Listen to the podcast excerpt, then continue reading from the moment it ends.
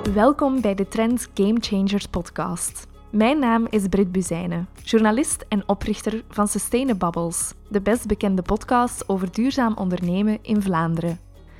Elke tweede en vierde donderdag van de maand ga ik voor Trends in gesprek met ondernemers over de manier waarop zij een positieve impact proberen te maken en de kansen en uitdagingen die ze daarbij tegenkomen.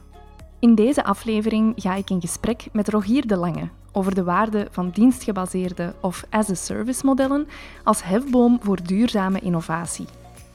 Rogier is zelf economiefilosoof, academicus en ondernemer. Hij schrijft en geeft les over deeleconomie, digitalisatie en innovatie en is oprichter van Pluk, een SaaS-platform voor community-supported agriculture.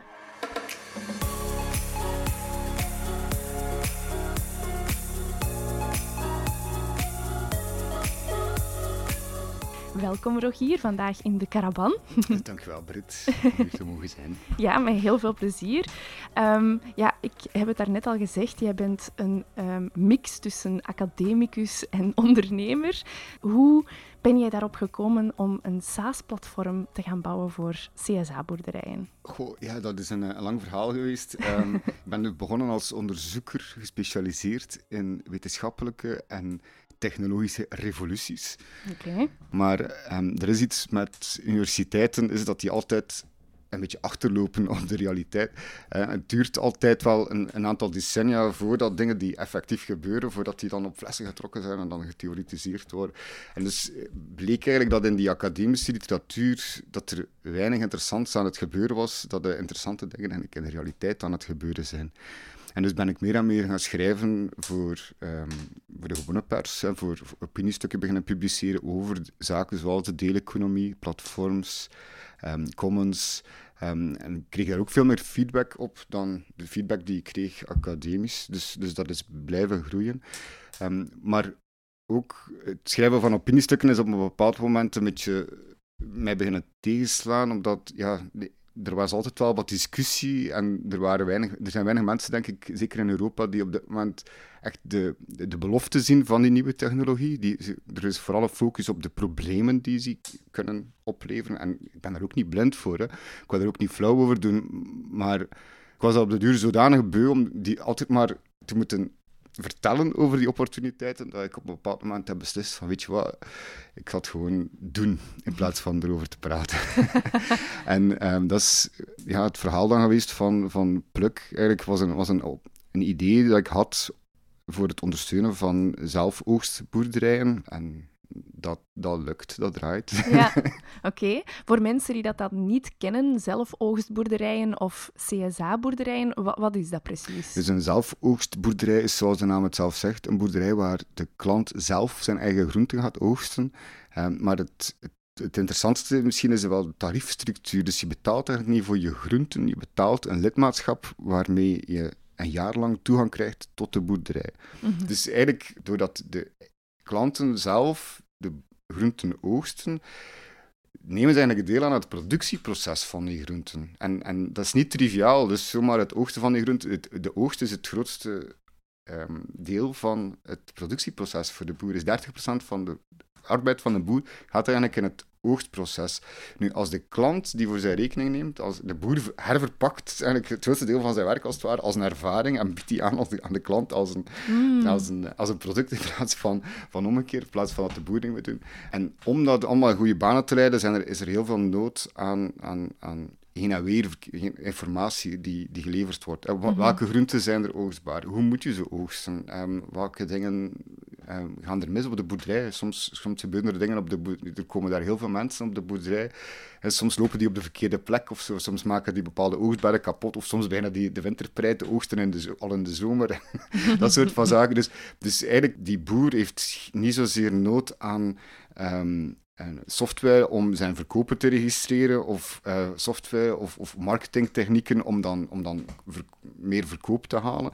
Nee, die, de noden van die boer liggen eigenlijk vooral in het managen van die langdurige transactie, van die lange termijnrelatie die die eigenlijk aangaat met die, met die klanten. Mhm. Ik denk dat daar ook het, het gat zit, zeg maar, dat wij dan als ondernemers ingesprongen zijn, is dat een klassieke boerderij die groente verkoopt, heeft helemaal andere noden dan een, een boer die, die een lidmaatschap verzorgt gedurende een jaar lang. Mhm. Die evolutie van producten naar diensten, die zien we in verschillende sectoren. Hoe verklaar je dat, dat die evolutie er is? Um, in het begin van de digitale disruptie, en denk aan de jaren 90, waarbij dat de eerste periode dat het internet alomtegenwoordig werd, gedemocratiseerd werd, dan kreeg je de opkomst van peer-to-peer file sharing bijvoorbeeld. Um, plots kon muziek eindeloos gekopieerd worden, gratis gedeeld worden, en werd het einde van de muziekindustrie voorspeld. Nu, wat is uiteindelijk het antwoord geweest van de muziekindustrie op die disruptie is eigenlijk om van muziek geen goed meer te maken, geen, geen compact disc die verkocht werd, maar een, een dienst. Uh, eerst, eerst en vooral is iTunes daarmee begonnen met um, ja, on muziek on demand eigenlijk, waarbij dat je losse nummers kon kopen voor 99 cent. Um, maar later zijn dan die streaming services gekomen en en blijkbaar was de klant toch bereid om te betalen voor muziek. Maar muziek met een goede gebruikservaring, in plaats van mm. muziek die verpakt is in zo'n album vol met mhm. nummers dat je niet kent, dat je misschien niet wilt horen. Dus in de muziekindustrie is, om een lang verhaal kort te maken, in de muziekindustrie is de verdiensting de redding geweest van de disruptie, het antwoord geweest op, op disruptie. En heel die productgebaseerde economie, sector na sector, die digitaliseert, valt eigenlijk ten prooi aan het feit dat ja, die marges verdampen gewoon. Mensen kopiëren producten, mensen importeren die producten, met alle gevolgen van dien. Um, dus je ziet eigenlijk een, een, patroon ontstaan waarbij dat verdiensting een antwoord biedt op de disruptie van die producteconomie. En hoe dat, dat ook een wapen kan zijn om in te breken in logica's die oninneembaar blijken. Mm zoals dat, dat die boeren ook vandaag geconfronteerd worden met die wereldmarkt voor voedsel. En waarbij dat je makkelijk zou tot de conclusie kunnen komen van ja, je kan niet op een biologische, uh, ecologische, uh, uh, lokale manier aan landbouw doen, op een kleinschalige manier aan landbouw doen, want en de wereldmarkt dicteert dat dat op een bepaalde manier moet gebeuren. En, mm. Um, en, en, niemand kan daaruit ontsnappen. Want nu, je kan daaruit ontsnappen door er een dienst van te maken. En dat, en dat toont eigenlijk ook de Dollar Shave Club. Dus dat zijn twee jonge gasten op een zolderkamertje die zeggen van... Voert, ik, uh, ik wil geen Gillette, en Gillette is de marktleider dan, ik wil geen Gillette meer kopen, ik wil niet te veel betalen voor allemaal scheermesjes met allerlei toeters en bellen. Ik wil mm. gewoon een scheermesje dat werkt. En dus die zijn begonnen met de Dollar Shave Club, waarbij dat ze, zoals de naam het zelf zegt, voor een dollar per maand um, hun leden een scheermesjes mm. sturen. Mm ja. En dat lijkt een heel simpel idee, maar op die manier hebben ze als het ware... Ze, hebben in de kortste keren... Dat was, ze hebben dan ook een YouTube-filmpje opgenomen, dat is dan viraal gegaan. En in de kortste keren hadden die eigenlijk een marktaandeel van ongeveer 10% wow. in die markt in de Verenigde Staten.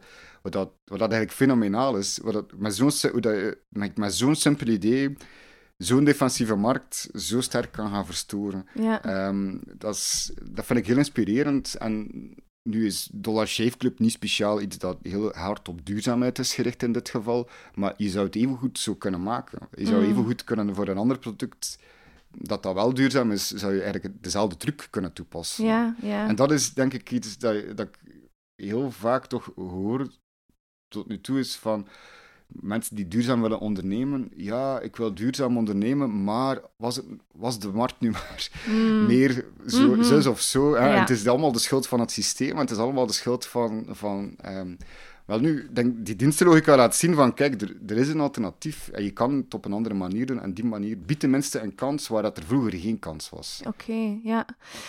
Um, je hebt het daarnet ook gezegd, het bouwen van een eigen ecosysteem maakt ook dat je heel veel interactie moet hebben met uw leden, hè, met die mensen in dat ecosysteem.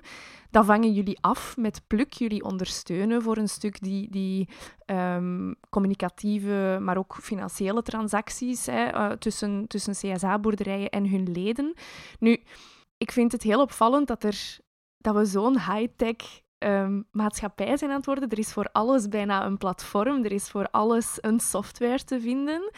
En af en toe vraag ik me dan af, hè, vaak worden die softwares ontwikkeld onder de noemer van het comfort of de convenience. Het maakt het makkelijker.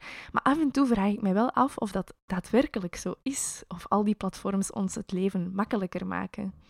Ik geloof inderdaad ook, zoals je aangeeft, dat heel veel digitalisering eigenlijk verkeerd gebruikt wordt. Wordt gebruikt om, om bepaalde dingen te automatiseren of om bepaalde ja, dingen sneller te maken die eigenlijk misschien niet sneller moeten gaan of die niet, niet beter moeten worden. Ehm, dat valt onder de noemer, zou ik zeggen, van, van digitalisering die eigenlijk ehm, onze wereld niet echt vooruit helpt. Dus mm. heel veel van de, van de gehypte voorbeelden van digitalisering zijn eigenlijk helemaal niet zo productiviteitsbevorderend. Oké. Dat, is, dat, is een van, dat is zelfs een van de grote macro-economische puzzels van onze tijd.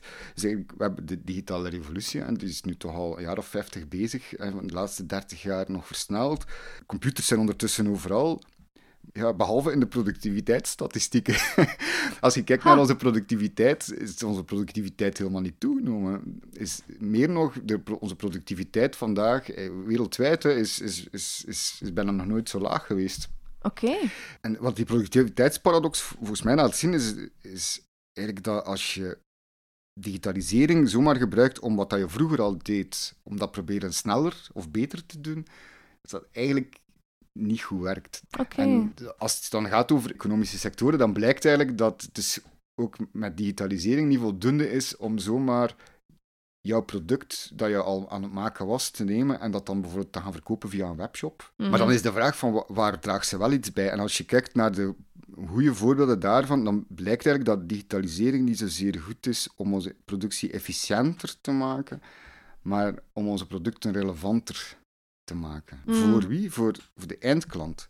En liefst voor elke consument apart nog. Mm. Dus de hele arena zeg maar, van economische concurrentie is eigenlijk stelselmatig aan het verschuiven van die aanbodzijde naar die vraagzijde. Mm. En dat is een fundamenteel ander groeimodel en denk ik ook een, een duurzamer groeimodel. Omdat je, je gaat eigenlijk uit die accumulatieve logica van die producten en je komt terecht in een dienstenwereld waarbij dat het eerder aankomt op, op het creëren van relevantie. Mm. Je, ontsnapt eigenlijk een beetje uit die, uit die eindeloze groeilogica, waar, waar mm. op de duur ook niemand meer op zit te wachten. Mhm. Ja, um, ik volg u. Hè. Um, uw verhaal van, kijk, diensten kan, kunnen een hefboom zijn voor duurzame ondernemers, ondersteund door digitale platformen of digitalisatie in het algemeen of technologie. Maar als je mensen naar een CSA-boerderij wil krijgen, of dat dat nu diensten gebaseerd is of niet, digitaal ondersteund of niet, dat vereist ook wel ehm, mensen met bepaalde voorkeuren. Dat niet iedereen is geïnteresseerd in zelf zijn groente plukken dat blijft zo. Dat is inderdaad een, filosofische discussie van in, in, welke mate moet je als economische actor tegemoetkomen aan de wensen van je consumenten, nou wel die wensen ook zelf actief gaan sturen. Mhm. Ehm, in de realiteit is er eigenlijk een soort van co-evolutie tussen de, de, het aanbod van producenten en, en, en de voorkeuren van consumenten.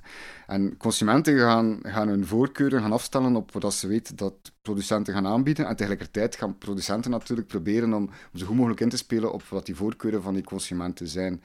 Um, nu, en je ziet daar een heel interessant patroon bij, bij bijvoorbeeld zo'n CSA-boerderij, waar dat um, mensen natuurlijk ja, al terechtkomen doordat ze een bepaalde interesse hebben in, in lokale voeding of, of bewust met, met voeding willen bezig zijn. Mhm. Ehm, maar dan toch zie je nog dat door dan deel te nemen aan die CSA-boerderij, dat men toch nog weer veel bijleert eigenlijk over voeding, wat dat voeding eigenlijk is, hoe dat mm. voeding effectief aan die struik groeit en hoe dat, dat eruit ziet als dat van die struik komt. Ik herinner mijzelf, ook als lid van, van uh, een CSA-boerderij, denk zes, zeven jaar geleden of zo, zijn wij lid geworden en uh, dan een van mijn eerste trips naar de supermarkt, dan, dat, het eerste dat mij opviel was hoe prober dat die groenten wel waren in de supermarkt. En dan pas besef je eigenlijk ja, hoe, hoe lange weg dat die groenten al hebben afgelegd. Um, uh, hoe dat die eigenlijk wel worden bewerkt voordat die dan in de supermarkt komen te liggen. Mm. Dus er gaat een soort van sensibiliserende kracht van uit. Um, niet gewoon door, door te sensibiliseren en door te zeggen van, nou ja, maar je moet nadenken over het klimaat, je moet nadenken over je afdruk. Nee, laat die mensen gewoon een keer rondlopen op zo'n boerderij en zelf een eigen eten uit de grond halen. Ja. En eigenlijk gaat je dan veel meer leren soms, of veel, gaat je gedrag ook, of je ideeën daarover gaan ook veel meer evolueren mm. door effectief daaraan deel te nemen, dan, dan door eender welk um, inhoudelijk argument dat je zou kunnen krijgen. Ja, daar ben ik het volledig mee eens, maar dan denk ik heel wat duurzaam ondernemer, en dat heb je daarnet ook al aangestipt, geeft dan het tegenargument, ja, maar ik moet die mensen eerst bij mij krijgen. Niemand is in mijn duurzaam product geïnteresseerd. Wat gaat een dienstgebaseerd model mij helpen om meer mensen te bereiken? Ehm, goh, ik denk dat dat misschien ook onderschat wordt, dat op dit moment de wijzigende voorkeuren zijn van consumenten. Heel veel consumenten zijn op zoek naar manieren om bewuster te gaan consumeren, willen ook graag via hun consumptie de wereld kunnen veranderen. Dat is een heel empowerend idee ook, hè? Dat, dat, je door iets wat je eet of door iets wat je koopt, zelf ook actief kan bijdragen aan, aan, aan, een betere wereld. Mhm. Ehm, ehm, misschien voor mensen die nu zeg maar die hard, uh, ja, zeg maar, uh, daar niet willen mee bezig zijn. Ja, ik denk niet dat zoveel mensen daar die hard niet willen mee bezig zijn, maar ik denk dat voor veel mensen convenience en comfort en snelheid prioritair is. Eh, wat je daarnet zei tussen die um, tweespalt van efficiëntie mhm. en relevantie, ik denk dat voor veel mensen de focus op efficiëntie ligt. Nee? Um, wel, je, je, kan je taart hebben en opeten tegelijkertijd, wat dat, dat betreft, denk ik. Dus denk okay. in, een, in, een, in een heel goede dienstenoffering zal je zowel een heel, een heel gecustomized, heel convenient oplossing hebben, als iets dat tegelijkertijd fundamenteel, denk ik, duurzamer zou kunnen zijn dan, dan in een productlogica. En in productlogica zit je altijd in die logica van ja, proberen een marge te creëren via schaalvoordelen, via standaardisatie. Um, en, en dan heb je altijd, zit je eigenlijk in een heel voorspellende logica. Want, mm. want standaardisatie betekent ja, dat er heel veel product zal zijn dat niet perfect matcht met, met de vraag. Dus er, en dat is iets typisch ook met die dienstenlogica, is een dienst wordt eigenlijk typisch maar geleverd op het moment dat, er ook, dat die vraag er ook is. Wordt zelfs mm. vaak geleverd in het bijzijn van diegene die, die de vraag stelt. En wordt ook, stop, wordt ook gestopt met aan te bieden op het moment dat die vraag wegvalt. Mm. Um, een typisch voorbeeld daar is bijvoorbeeld een knipbeurt bij de kapper. Ehm, je kan die niet door iemand anders laten uitvoeren, je kan die niet stockeren, je kan die niet importeren. Um, van alle beroepen zijn kappers en verpleegsters zijn niet, zijn niet gedelokaliseerd. Hè. Heel veel andere jobs zijn gedelokaliseerd, maar kappers en verpleegsters bijvoorbeeld, die kan je niet delokaliseren. Dus, dus zo'n dienst is iets dat enkel daar en dan wordt gemaakt waar, waar dat die ook nodig is. En dat is inherent um, al een, een heel grote buffer tegen verspilling. Als je dan begint na te denken over bijvoorbeeld auto's die dan 95% van de tijd stilstaan, of een boormachine die in haar hele lifetime maar een paar minuten draait uiteindelijk, ja, dan, dan biedt dat wel mogelijkheden. Mm.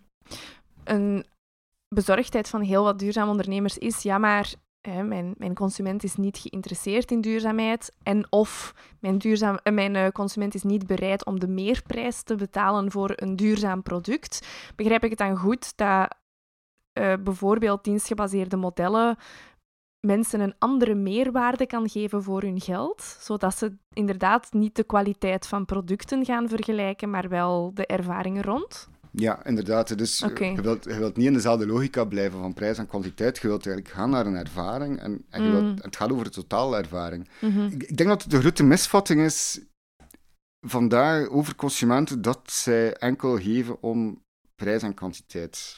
Oké. Ehm, en ik weet dat dat zo lijkt en dat er heel veel bewijsmateriaal is die toont dat dat zo is. Dus als je kijkt naar verkoopcijfers, dan ga je zien dat ja, het goedkoopste product... Dus in een winkel bijvoorbeeld, dat je kijkt, er liggen verschillende producten. Ja, het goedkoopste product zal gewoon het meest verkopen. Ja. En, en dat ene duurzame product dat daarnaast ligt en dat dan tegen een premie wordt verkocht, ja, dat, dat verkoopt niet zo goed.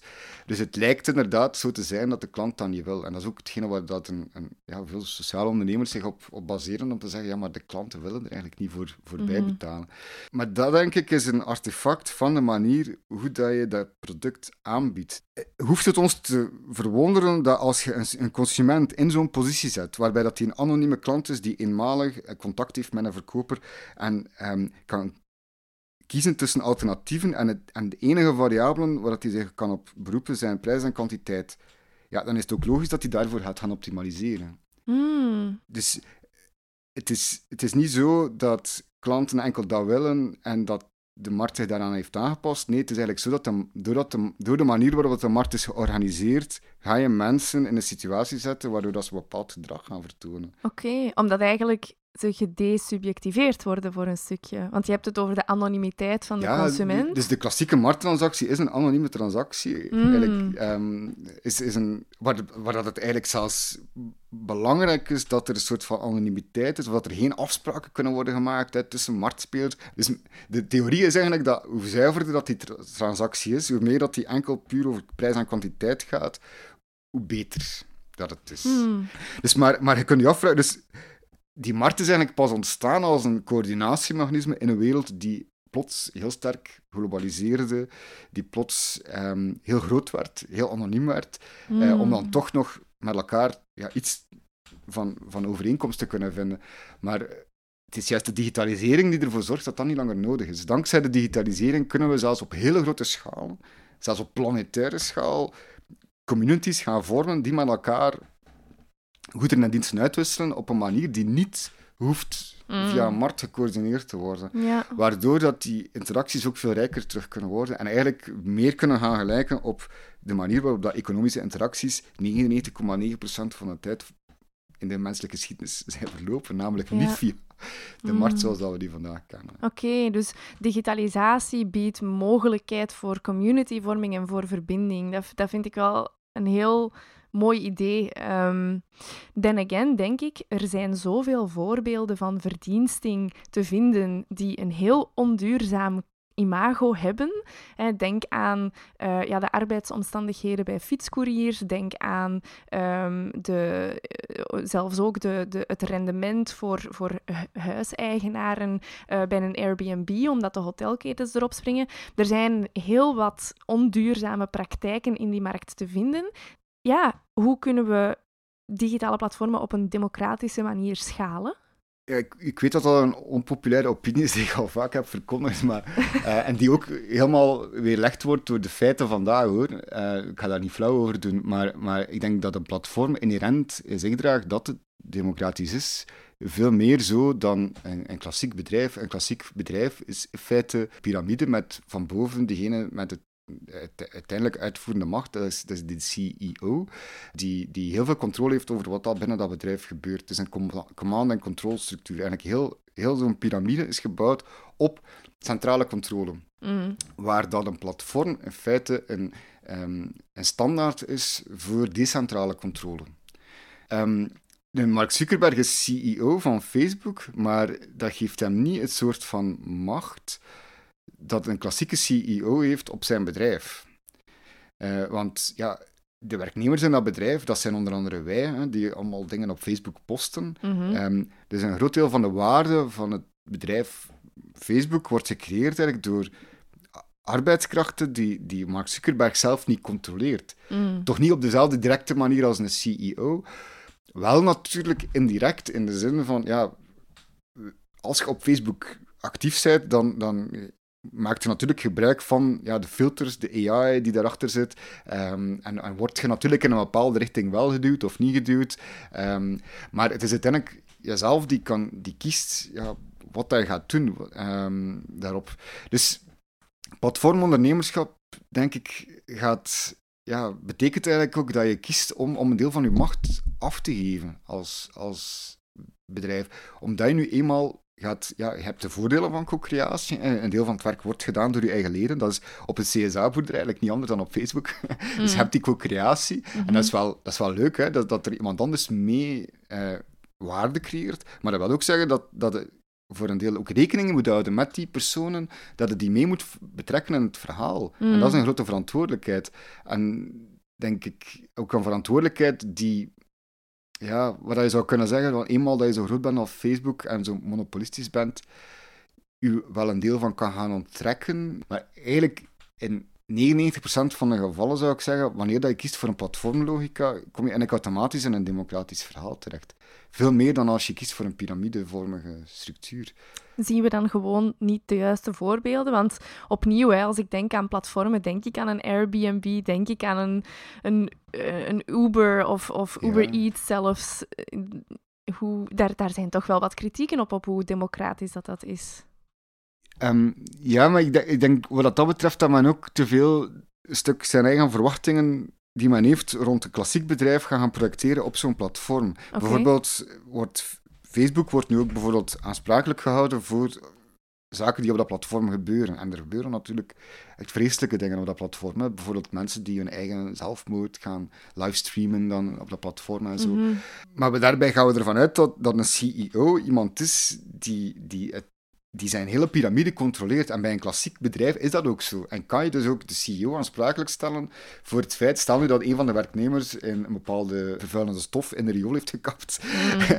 dan kan je dat bedrijf aansprakelijk stellen voor die daad, ook al is dat die ene arbeider die dat gedaan heeft, eigenlijk is de CEO uiteindelijk die verantwoordelijk is voor het feit dat die arbeider dat gedaan heeft. Mhm. Ehm, maar je kan niet diezelfde logica gaan toepassen op een platform, juist omdat het eigenlijk een decentraal gegeven is, waarbij dat, dat het platform wel de mogelijkheid voor creëert voor mensen om bepaalde dingen te doen, mhm.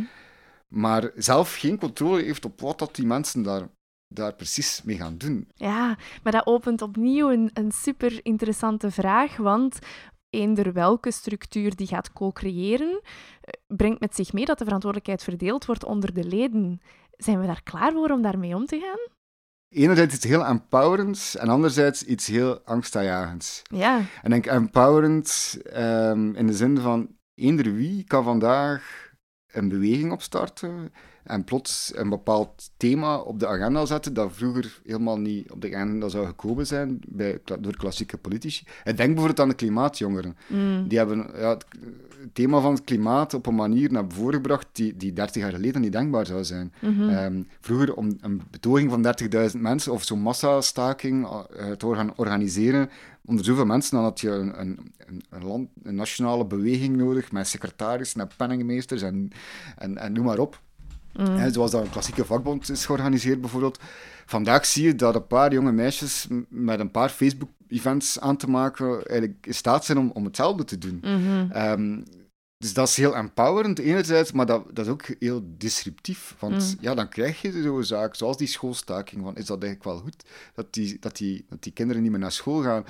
Of bijvoorbeeld, en nog, nog misschien ja, een veel um, beter voorbeeld dan ja, die bestorming van het kapitool, bijvoorbeeld. Hè? Want wie zegt er dat, dat die kracht enkel zal worden gebruikt om het klimaat te redden? Je kan net zo goed gebruikt worden om, om een van de grootste democratieën van onze wereld mm. omver te werpen. Ja. Zoals dat dan met die bereid op het kapitool is gebeurd. Dus het is, ik zou dus zeggen, van, inderdaad, platforms zijn inherent democratischer.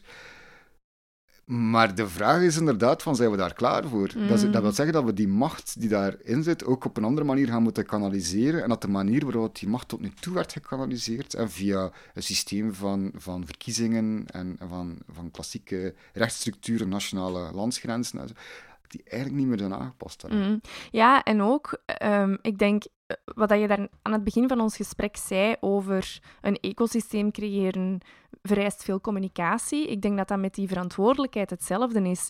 Ik geef een voorbeeldje. Ik zit zelf in een autodeelsysteem en onlangs heb ik een hele slechte week gehad en twee ongelukken na elkaar gehad met mijn auto. Of tenminste, een van de ontleners heeft, heeft dat uh, voorgehad. En dan merk je, dan ontstaat er discussie over de verantwoordelijkheid. Want wie is er verantwoordelijk voor dat materiële goed dat je als dienst aanbiedt, zijnde mijn auto? Ehm, dus ook daar, eh, het vereist uh, veel uh, duidelijkere afspraken maken, veel meer communiceren over de afspraken en het concretiseren van heel wat situaties waar we voorheen in, in een situatie waar ik eigenaar ben en gewoon een verzekering heb, niet hebben over ja, precies. Dus bezit heeft eigenlijk altijd als functie, heel die vermarkting heeft eigenlijk als functie gehad om, om die complexiteit uit onze wereld te halen. Mhm. Alle, heel onze wereld werd opgedeeld in aparte productjes die losstaan van elkaar en die elk apart individueel kunnen verhandeld worden los van elkaar. En dat zorgt ervoor dat heel die complexiteit verdwijnt.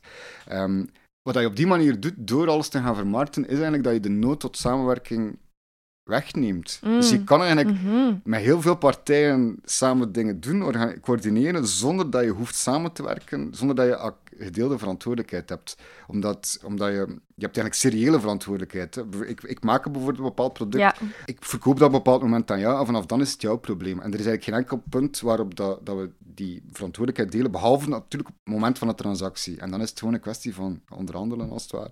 Maar dus je, leeft eigenlijk in een onderhandelde wereld. Mm Plots, als je dan gaat samenwerken, in een wereld waarin je fundamenteel gaat samenwerken, heb je plots die nood aan communicatie. En dat is dirty business natuurlijk. Dat wil ja, in die zin van dirty business, in de zin van zo, zo gelijkvormig dat elk gestandaardiseerd product is en, en, die, en zo gelijkvormig dat die transactie is daartussen, hè, met prijs en hoeveelheid en hup, klaar is Kees.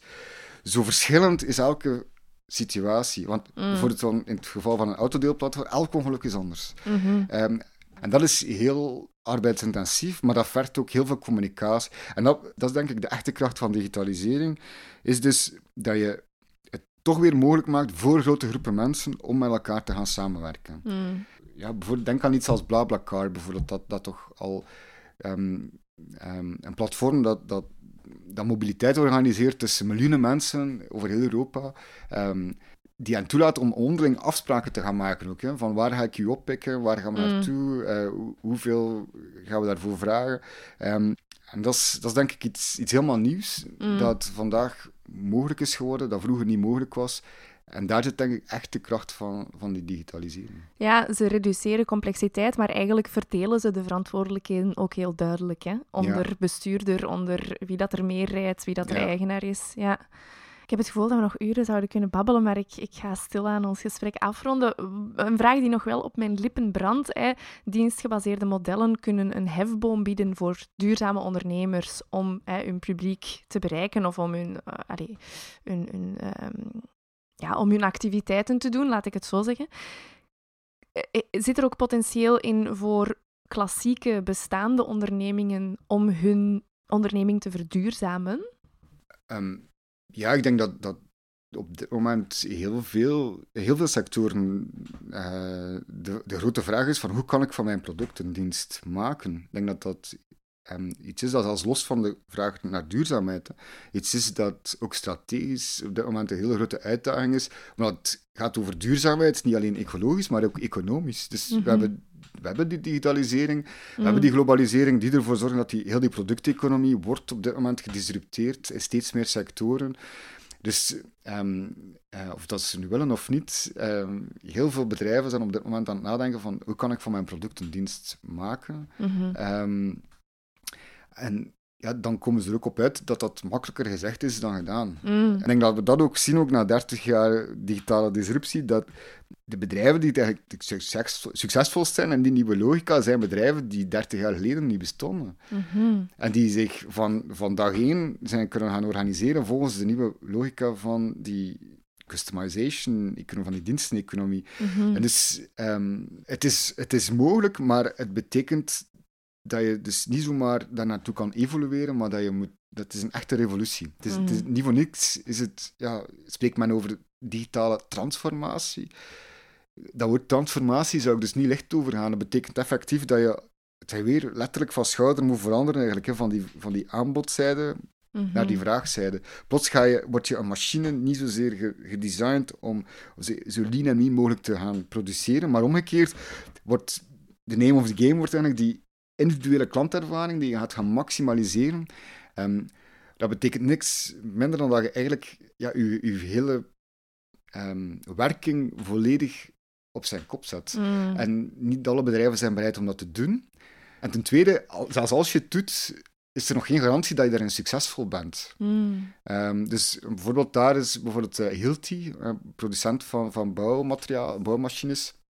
Hilti heeft op een bepaald moment beslist van, kijk, wij bieden geen, mensen willen eigenlijk geen boormachines, mensen willen een gat in de muur. Wel nu, wij zullen geen boormachines meer verkopen, wij verkopen gaten in de muur. Mhm. Bouwmachines als een service. Heeft ervoor gezorgd dat Hilti plots heel sterk werd in de sector. Ehm, Bosch, een voornaamste concurrent, heeft dat gezien. En ja, het is niet zo moeilijk om dat te kopiëren. Hè. Als je ziet dat je concurrent eh, as a service gaat, kun je zeggen, ah, wij gaan ook as a service. Ja. Nu, Bosch heeft het niet gehaald. Misschien dat Bosch de, niet voor een totaalaanpak heeft willen kiezen, terwijl Hilti misschien wel besefte dat het een totaalaanpak zou vragen. En met totaalaanpak bedoel je dan al hun producten op die manier gaan reframen? Of... Een totaalaanpak in de zin dat, het, ehm, dat je je volledige productieproces, dus alle processen in je bedrijf, in functie stelt van niet zozeer van hun eigen efficiëntie, maar van die user experience. Mm. Dat is ook een antwoord op je vraag over de opportuniteiten die er zijn. En er zijn, er zijn enorm veel opportuniteiten vandaag. Mhm. En de manier hoe dat je ze kan herkennen is door een suboptimale user experience. Eigenlijk één welk product dat vandaag een suboptimale user experience kent, of dat het nu groenten in de supermarkt is of scheermesjes die je koopt, ehm, eh, die verraden eigenlijk het feit dat er een opportuniteit is voor een disruptie. En je Mm. kunt in die markt gaan springen, je kunt dat directe contact met die klant overnemen en op die manier um, disruptie aanbrengen in die sector. En dat is het verhaal dat gewerkt heeft uh, van in de muziekindustrie tot aan CSA-boerderij, tot scheermesjes. is eigenlijk telkens opnieuw datzelfde. Als je dat directe contact met die klant kunt grijpen, dan grijpt je eigenlijk de macht in een bepaalde sector. En die ligt op dit moment in heel veel sectoren gewoon open. Oké, ik denk dat dat een heel mooi is om bij af te ronden. Dankjewel om uh, tot hier te komen en zo'n interessant gesprek uh, te voeren daarover. Dankjewel.